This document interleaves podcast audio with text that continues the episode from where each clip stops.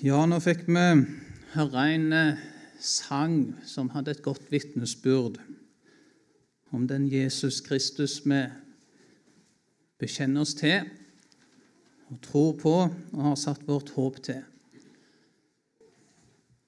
Og at vandringen med Han mot det himmelske land, ja, det er en vandring hvor vi får gå og så får vi synge, får glede oss, får juble. Men så er det en vandring og en gledessang som skjer under tårer, i strid, i sorg, i nød på så mange vis. Og Teksten i dag er fra Johannes evangeliet, hvor Jesus forbereder sine disipler på denne vandringen fra Johannes 15, slutten av kapittelet der. Det er jo avskjedstalen Jesus har med sine disipler på skjærtorsdag. Vi skal lese fra Johannes 15, vers 26, også til kapittel 16 og første setning i vers 4. Det er da teksten som er satt opp for søndagen i dag. Før vi leser, så fortsetter vi å be. Ja, gode Far, vi takker deg for at du vil oss vel. Og vi takker deg for at du har gitt oss så stor en frelse i Jesus. Og så ber vi om at det måtte få lykkes for deg og bringe oss frelst hjem. Må du se til den enkelte av oss som er samla her nå, de som skulle følge møtet på nett om dette å kunne få være ei stund hvor du kunne få si tale ved ditt ord, Herre. Så du ved ditt ord kunne få føre oss til deg og føre oss på din vei, Herre. I Jesu navn. Amen. Vi leser i Jesu navn. Når talsmannen kommer, han som jeg skal sende dere fra Faderen, sannhetens ånd som utgår fra Faderen. Da skal han vitne om meg. Men også dere skal vitne, for dere har vært med meg fra begynnelsen. Dette har jeg talt til dere for at dere ikke skal ta anstøt. De skal utstøte dere av synagogene. Det kommer en tid da hver den som slår dere i hæl, skal tro at han gjør Gud en dyrkelse. Og dette skal de gjøre fordi de ikke kjenner Faderen og heller ikke meg.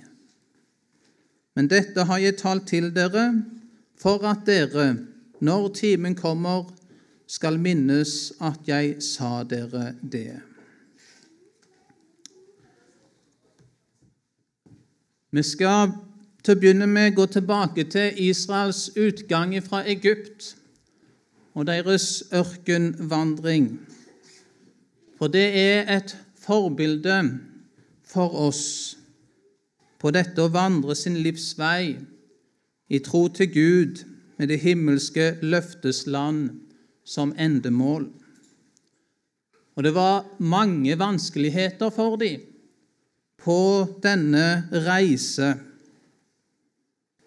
det var en farao som ikke ville la de gå, en egypter her som sto etter dem, havet som var i veien for dem, ørkenen som de måtte oppholde seg i, som ikke har mat og ikke har vann. Det var fiendtlige folk som angrep dem. Det var spåmann som ville forbanne dem. Og uten Herren så ville ingen nå målet. Sånn er det, og sånn er det fortsatt i dag. Uten Herren vil ingen nå målet. Men med Herren så er det ingen vanskelighet som er for stor. Ingen vanskelighet er for stor med Herren. Og så kom da heller ikke den største trusselen for Israels folk på de utenifra. Men den største trusselen, den kom innenifra, fra folket sjøl, fra Guds menighet. Det var vantro i folket. Det var misnøye. Det var klage. Det var kjærlighet til synden og verden. De ville tilbake til Egypt. Det var motstand. Det var egenrådighet. Det var rent opprør imot Herren. Ikke lenge etter utfrielsen gjennom Rødehavet så er det mangel på vann, og folket tørster i ørkenen. Og så leser vi at det er like før de går til angrep på Moses, han som var sendt av Gud for å føre dem ut og gjenløse folket. Og Vi leser i 2. Mosebok 17, vers 4, at da ropte Moses til Herren og sa:" Hva skal jeg gjøre med dette folket? Det er ikke langt fra at de steiner meg. Kort tid etter at Herren på underfullt vis hadde ført de ut av Egypt.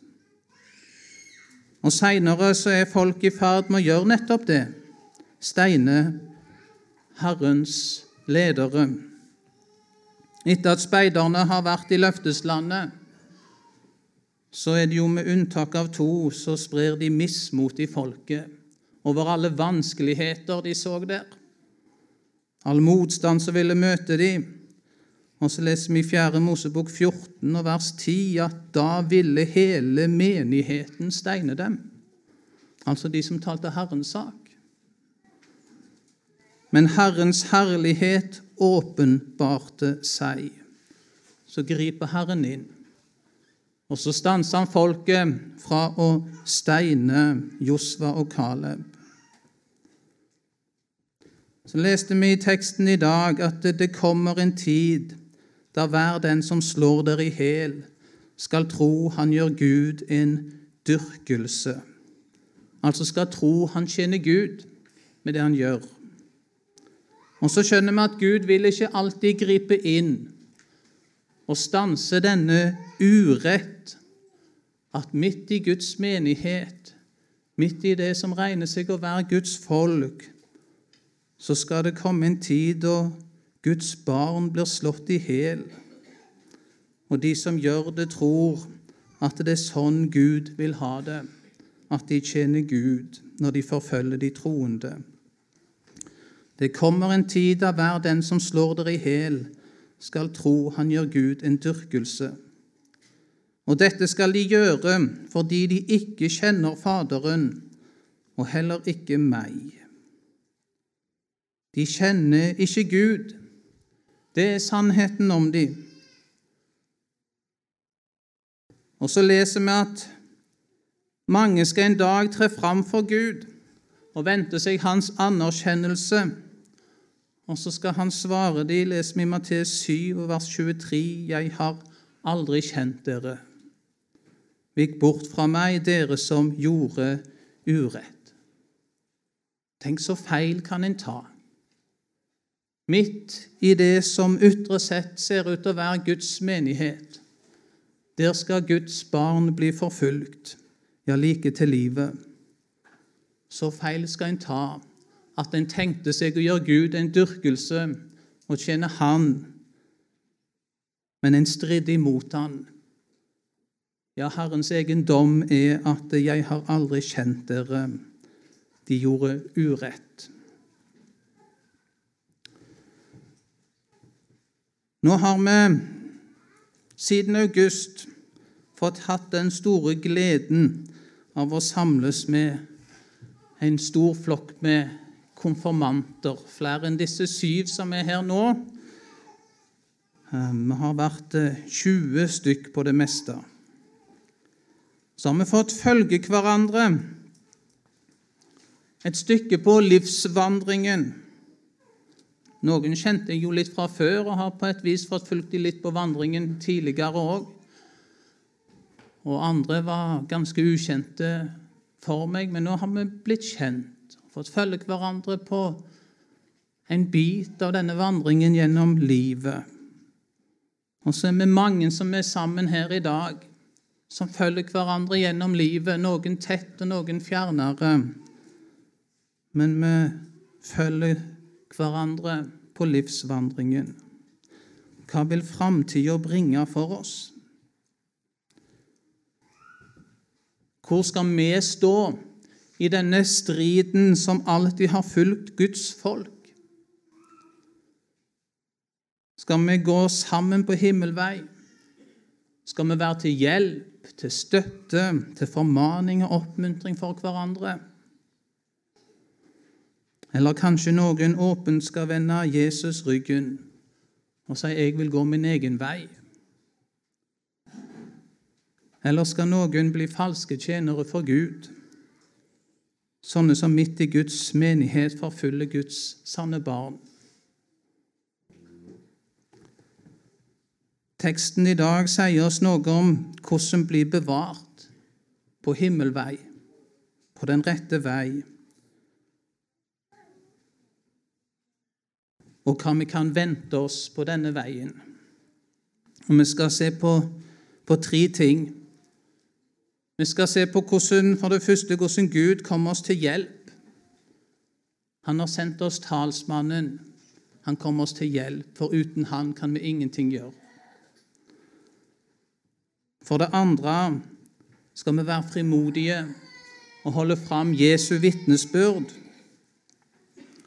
Og for det tredje måtte vi ikke ta anstøt og miste motet og bli oss til fall når vi møter motstand og vanskeligheter for Jesu navns skyld. For det første talsmannen. Vi leste i vers 26. Når talsmannen kommer, han som jeg skal sende dere fra Faderen, sannhetens ånd som utgår fra Faderen, da skal han vitne om meg. En av syndefallets følger er jo at vi er ute av stand til å søke Gud, ute av stand til å finne Han, ute av stand til å følge Han. De guder mennesket sjøl søker, de er alle sammen avguder. De veier mennesket sjøl finner, de er alle sammen avveier. Om ikke Gud kommer oss til hjelp, så er det håpløst. Men så kommer Han oss til hjelp. Og så har Han sendt oss Den hellige ånd. Jesus sendte Den hellige ånd.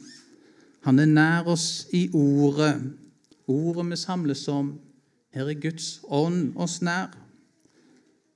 Og Han vitner om Jesus, vår frelser, og han tar sjøl bolig ved troen i Guds barn. Så leste man sannhetens ånd. Vi trenger en sannhetens ånd som kan avsløre alle våre falske tanker, falske veier, alle våre avveier, alt dette menneskegjorte som så lett får springe ut av oss sjøl og vår gjerning. Sannhetens ånd, falsk gudstro, falsk søken. Han vil tale inn i mitt liv og inn i ditt liv, og så vil han avsløre. Djupt her inne i hjertet så gjør vi så mange krokveier som er skjult for mennesker, men det er åpenbart for Gud. Og så må Han komme og gå i rette med oss, sannhetens ånd, og avsløre alle våre krokveier. Skal du bli bevart på den rette vei, ja, så må du la Han få tale med deg om alle dine krokveier, og så må du gi Han rett når Han går i rette med deg. Og så er han sannhetens ånd, som òg åpenbarer sannheten om Jesus. Ja, som åpenbarer Jesus, hvem han er, og hva han har gjort til din frelse. At Jesus alene er veien, sannheten og livet. Ingen kommer til Faderen uten ved meg, sier Jesus. Det er denne ene vei han som er sannheten og livet. Og så er det gitt oss Den hellige ånd, talsmannen som taler Guds sak i våre hjerter, for å avsløre våre krokveier og for å åpenbare Kristus, så vi kunne sette vår lit til Han alene. Bare sånn kan vi bli bevart på himmelvei. At vi lar Ånden få oss i tale. Hold deg nær til Guds ord, for det er Guds ånd, og der vil Han komme deg til hjelp. Og så står det et fint vers i Salme 119 og vers 63. Jeg holder meg til alle dem som frykter deg, og som holder dine befalinger. Ja, det er et godt råd på denne vandringen. Hold deg nær til de som frykter Herren. Hva er det å frykte Herren? Jo, det er å ta Hans ord på alvor. Lytte når Han taler, bøye seg når Han overbeviser. Det er å frykte Herren. Ja, hold deg nær til de som frykter Herren, de som vil holde alle Herrens befalinger. Så skal Han bevare deg på himmelvei. Så var det det andre punktet. I vers 27 så leste vi at men også dere skal vitne. Altså Ånden skulle vitne. Han er vår talsmann, og han vitner om Jesus for oss. Og så leser vi i vers 27.: Men også dere skal vitne, for dere har vært med meg fra begynnelsen. Disiplene som var med Jesus her på skjærtorsdag kveld, det var de som han hadde utvalgt til å være hans øyenvitner. De har gitt oss Det nye testamentet, som vi har her. Hans vitner. Men i neste ledd så er jo hver og en som har fått Kristus åpenbart for seg, som har fått se og fått høre hvem Jesus er, og tatt imot dette ordets vitnesbyrd, ja, de er sjøl blitt et vitne. For du har sett noe, du har hørt noe, og det er ganske enkelt et vitne. Den som har sett noe, den som har hørt noe. Kan være et vitne som tier om det han har sett og hørt, men like fullt et vitne. For du har sett noe, du har hørt noe. Men også dere skal vitne. Du som har fått Jesus Kristus åpenbart for dine øyne og ører som din frelser, du er et vitne for Jesus til å si videre hva du har sett og hørt. Og dette er òg Åndens gjerning. Ja, han vil legge ord inn på vårt hjerte. Han vil legge ord inn i vår tanke, men han vil òg legge ordet, vitnesbyrdet, i vår munn. Vi leser Jesaja 59, vers 20 og 21. Det skal komme en gjenløser for Sion. Ja, det er Kristus, han som skulle fri folket fra deres synder. Det skal komme en gjenløser for Sion, og for dem som omvender seg fra overtredelse i Jakob, sier Herren. Det skal komme en frelser. Og dette er den pakt som jeg gjør med dem, sier Herren. Min ånd som er over deg, og mine ord som jeg har lagt i din munn de skal ikke vike fra din munn eller fra dine barns munn eller fra dine barnebarns munn, sier Herren, fra nå av og til evig tid. Her er det en ett barn og barnebarn som har fått noe lagt i sin munn. Et ord som ikke skulle vike fra deres munn fra nå til evig tid. Det er noen som har vitna, noen som har gitt det videre, det de har fått se og høre. Noen fikk vitne til meg, og så får jeg bære vitnesbyrdet videre om hva jeg har sett og hørt. Og så vil det være noen som bærer det videre, generasjon for generasjon. Dere er også vitner. Herrens ord lagt i vår munn men dette vitnesbyrd, det er det som vil møte motstand. Og sånn har det alltid vært. Og da kommer vi til det tredje punktet, om å ikke ta anstøt og ikke miste motet for Jesu vitnesbyrds skyld, for Jesu navns skyld.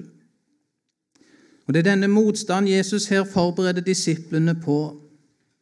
Og den samme motstand må òg vi være forberedt på. Vi ville jo så gjerne at våre unge skulle få gå denne livsvandring med Jesus og nå himmelmålet. Ingenting vi heller vil. Og Samtidig så skal vi jo være klar over at vi da vil føre dem inn på en vei hvor en møter motstand,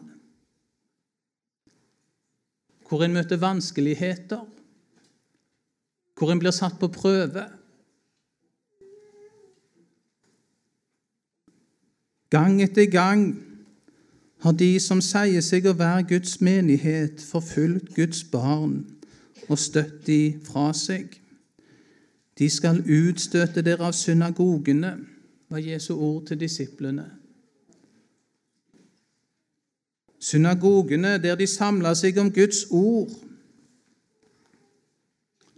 ja, der forfulgte de de barn som var født ved dette sannhetsord. Er det ikke rart hvordan det går an?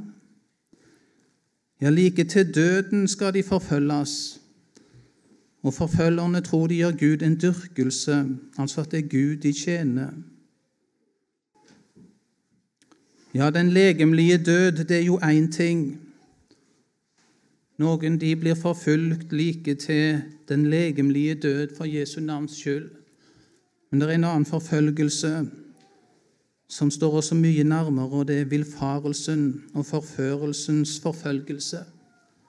Den som vil ha oss bort ifra Jesus, den som vil drepe dette livet, som bor i et Guds barn, hvor en har tatt sin tilflukt til Jesus alene og lever i troen på Han.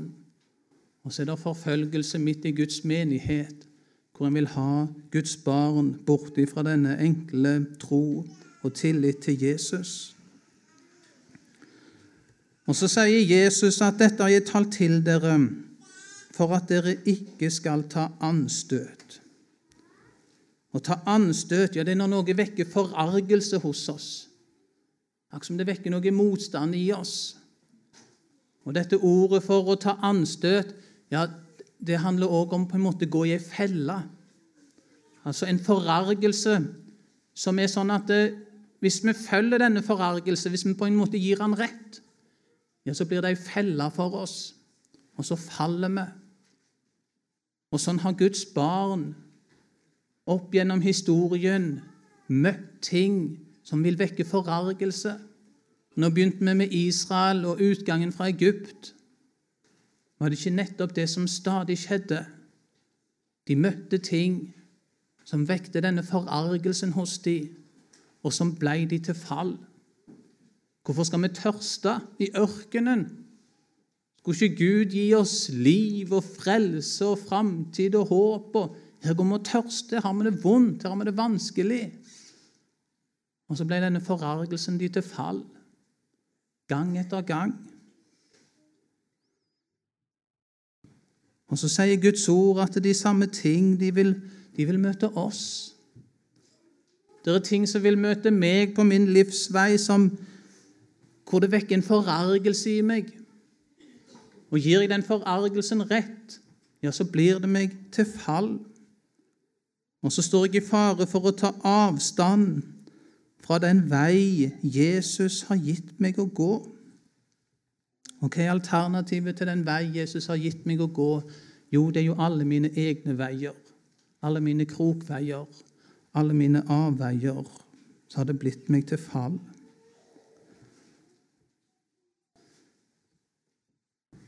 Vi vet ikke hva som møter oss på vandringen. Noen kan se tilbake, og de kan se en vandring som har vært mye motstand og vansker. Andre kan synes det har gått enklere. Noen er ganske unge, og noen har kanskje også erfart en del selv om de er unge. Andre ikke så mye. Men hva som venter der framme, det vet vi ikke.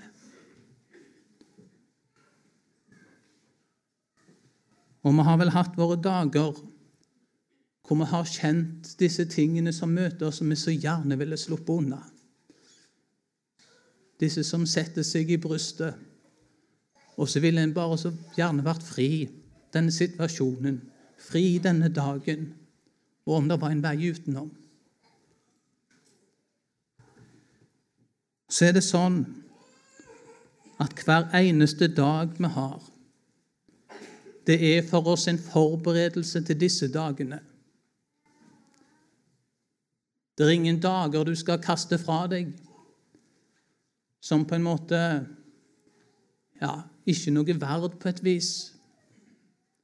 Nei, hver eneste dag er verdifull i den forstand at den forbereder deg på de dager som skal komme. Hvordan jeg lever med Jesus i dag. Hvordan jeg står i den gjerning han har kalt meg til i dag. Om jeg syns det er smått, om jeg syns det er stort, samme det. Men hvordan jeg står i det i dag, det er med å forberede meg på de dager som skal komme. Og den dagen den store prøven kommer, ja, vil det bli meg til fall? Eller vil jeg stå på Jesu vei gjennom det som møter meg? Etter preiken nå så skal vi synge denne sangen Er det sant at Jesus er min broder, og at himmelens arv meg hører til? Og så bort med alle tårefloder, bort med alt som enn meg engste vil. Og så slutter sangen med Herre, åpne blått mitt øye for de skatter jeg i sannhet har. Ja, Det er kanskje den viktigste av alle forberedelser. Å få leve nær dette ordet, sånn at Herren får åpenbare for oss de skatter vi i sannhet har. Sånn at de er dyrebare for oss, at de er umistelige for oss. Den dagen jeg blir satt på den prøve at jeg må gi slipp på de andre skattene. Jeg må gi slipp på de andre tingene jeg ville ha for å alene stå igjen med denne skatt. For prøvene, de vil komme, og motstanden, de, den er der. Og måtte vi stå den dagen. Og vi hørte fra 1. Peters brev, kapittel 4. Men alle tings ende er kommet nær. Vær derfor sindige og edrue, så dere kan be. Framfor alt ha inderlig kjærlighet til hverandre. Ha inderlig kjærlighet til hverandre. Det er ikke lett, dette her. Hvem skal jeg holde meg til? Hvem skal jeg søke hjelp hos? Jo, søk de som er sanne, og som har kjærlighet. Framfor alt ha inderlig kjærlighet til hverandre skal vi be. Ja, gode Far, vi takker deg for at du har kommet og kjøpt oss fri ifra denne verden, ifra synden og alt som binder og holder oss her. Og så takker vi deg for den store nåde at du har gitt oss så mange til å komme oss til hjelp på vandringen. Og så ber vi om nåde til oss sjøl for hver en som kan få komme de andre til hjelp i sannhet og i kjærlighet. Det ikke måtte være hverandre til fall, men at vi kunne være hverandre til frelse, Herre, og til hjelp. Må du velsigne konfirmantene og den livsvandring de er i gang med. Jesu navn. Amen. Vi synger